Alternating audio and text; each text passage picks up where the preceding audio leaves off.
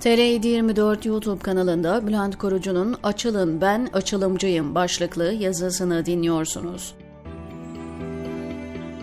Evvel zaman içinde, kalbur saman içinde bir sultan yaşarmış. En büyük özelliği açılım yapmak olduğundan açılımlar kralı olarak adlandırılırmış. Ülkesinde açılım yapmadığı, kapağını kaldırmadığı konu kalmazmış. Yalnız bir sorun varmış parça artıran usta gibi her açılımdan sonra bir şeyler dışarıda kalır ve kapanış eksiklerle olurmuş. Daha talihsizlerse çekiçle dalınan motor gibi darmadağın hale gelirmiş. Şimdi ona kulak verip hikayenin kalan kısmını birinci ağızdan dinleyelim.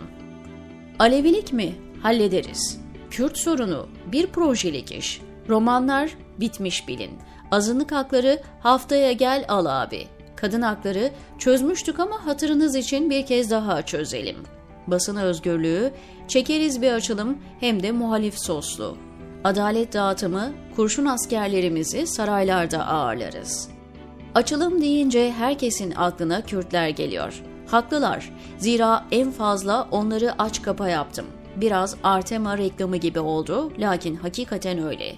Dağda silahlı PKK'lı görseniz arkanıza dönün talimatı verdiğim güvenlik güçlerine birkaç gün sonra şehirleri bombalattım.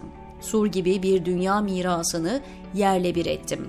Kürt siyasetçilerle saraylarda kurdurduğum masayı yanlarına oturttuğum yardımcılarımla birlikte dağıttım.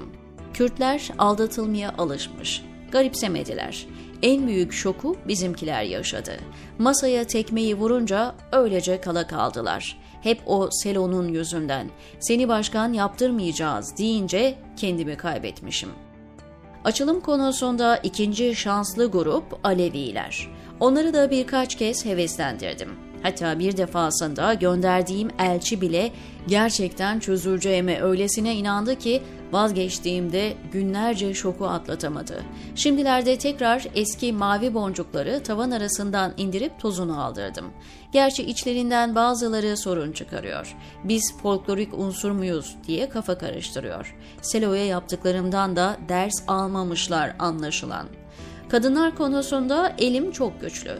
Başörtüsüyle polis olup hem cinslerini coplama hakkı bile verdim. Daha ne yapayım? Kariyer yapacakları nasıl teşvik ettiğimi herkes görüyor. Konut yardımı vereceğim eşi vefat etmiş kadınlara 3 çocuk şartı getirdim. Evde kariyer, pardon, çocuk yapsın diye çürük teğmenin eşini canlı yayında mahcup ettim. Daha ne yapayım? Geçenlerde Soma madeninde eşini kaybeden bir kadın acımızı satın alıyor ve bizim susmamızı bekliyor demiş. Selo'dan ders almayan birileri daha aslında fena yapacaktım ama yakında seçim var. Yargı ve adaleti paket manyağı yaptım.